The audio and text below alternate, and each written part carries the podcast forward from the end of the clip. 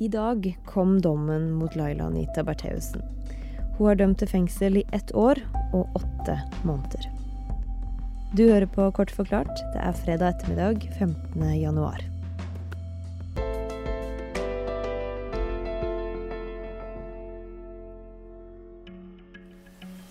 Laila Anita Bertheussen dømmes for overtredelse av Straffelovens paragraf 115. Dommer Ingvild Tue sier dommerne tror på politiet på alle punktene i tiltalen. Og det er som sagt en enstemmig dom. Tingrettsdommerne mener hun har sendt trusselbrev til seg sjøl og til samboeren Tor Mikkel Wara, og at hun skrev rasisitt på husveggen og prøvde å tenne på sin egen bil. Til fengsel i ett år og åtte måneder. Hun ble frikjent for ett av punktene.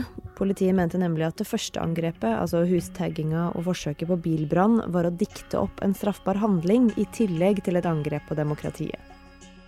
Men siden den straffbare handlinga faktisk skjedde, så mener retten at hun ikke kan bli dømt for å ha dikta den opp. Aftenposten-kommentator Andreas Slettholm, du har vært i rettssalen og fulgt hele saken. Hvor overraskende var det at hun ble dømt for det mest alvorlige her?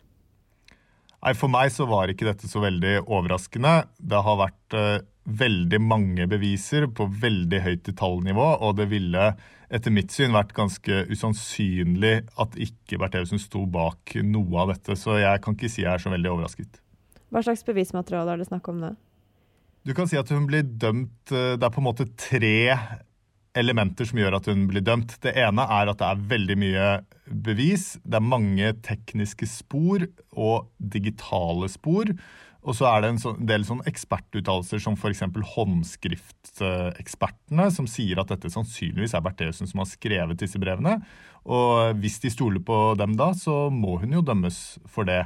De digitale sporene dreier seg jo veldig mye om aktivitet på mobiltelefon, nettbrett og datamaskin. Og de tekniske sporene er jo undersøkelser av eh, papir som er brukt i trusselbrev, konvolutter, frimerketyper osv.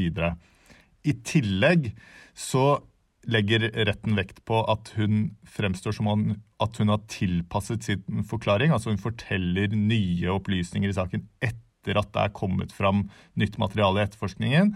Det er sjelden veldig lurt for en tiltalt å gjøre, fordi da fatter retten fort mistanke om at uh, tiltalte lyver.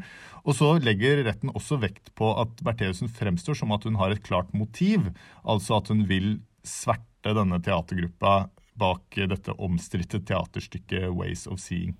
Mm. Og for det var de som filma huset til flere politikere, bl.a. til henne og Tor Mikkel Wara. Det var jo utgangspunktet for hele denne saken. Et uh, veldig lite og rart uh, politisk teaterstykke om uh, nettverk som hadde interesse av å, av å, gjøre Norge til et mer rasistisk samfunn, som har fått mer oppmerksomhet, tror jeg, enn noe venstreradikalt teaterstykke noensinne har fått nesten noe sted i verden. Og Laila Bertheussen sjøl er helt uenig. Da dommen var lest opp, så sa hun dette er sjokkerende, jeg anker på stedet, uten tvil. Så det betyr at det her ikke er over enda, og det kan bli ny runde i lagmannsretten.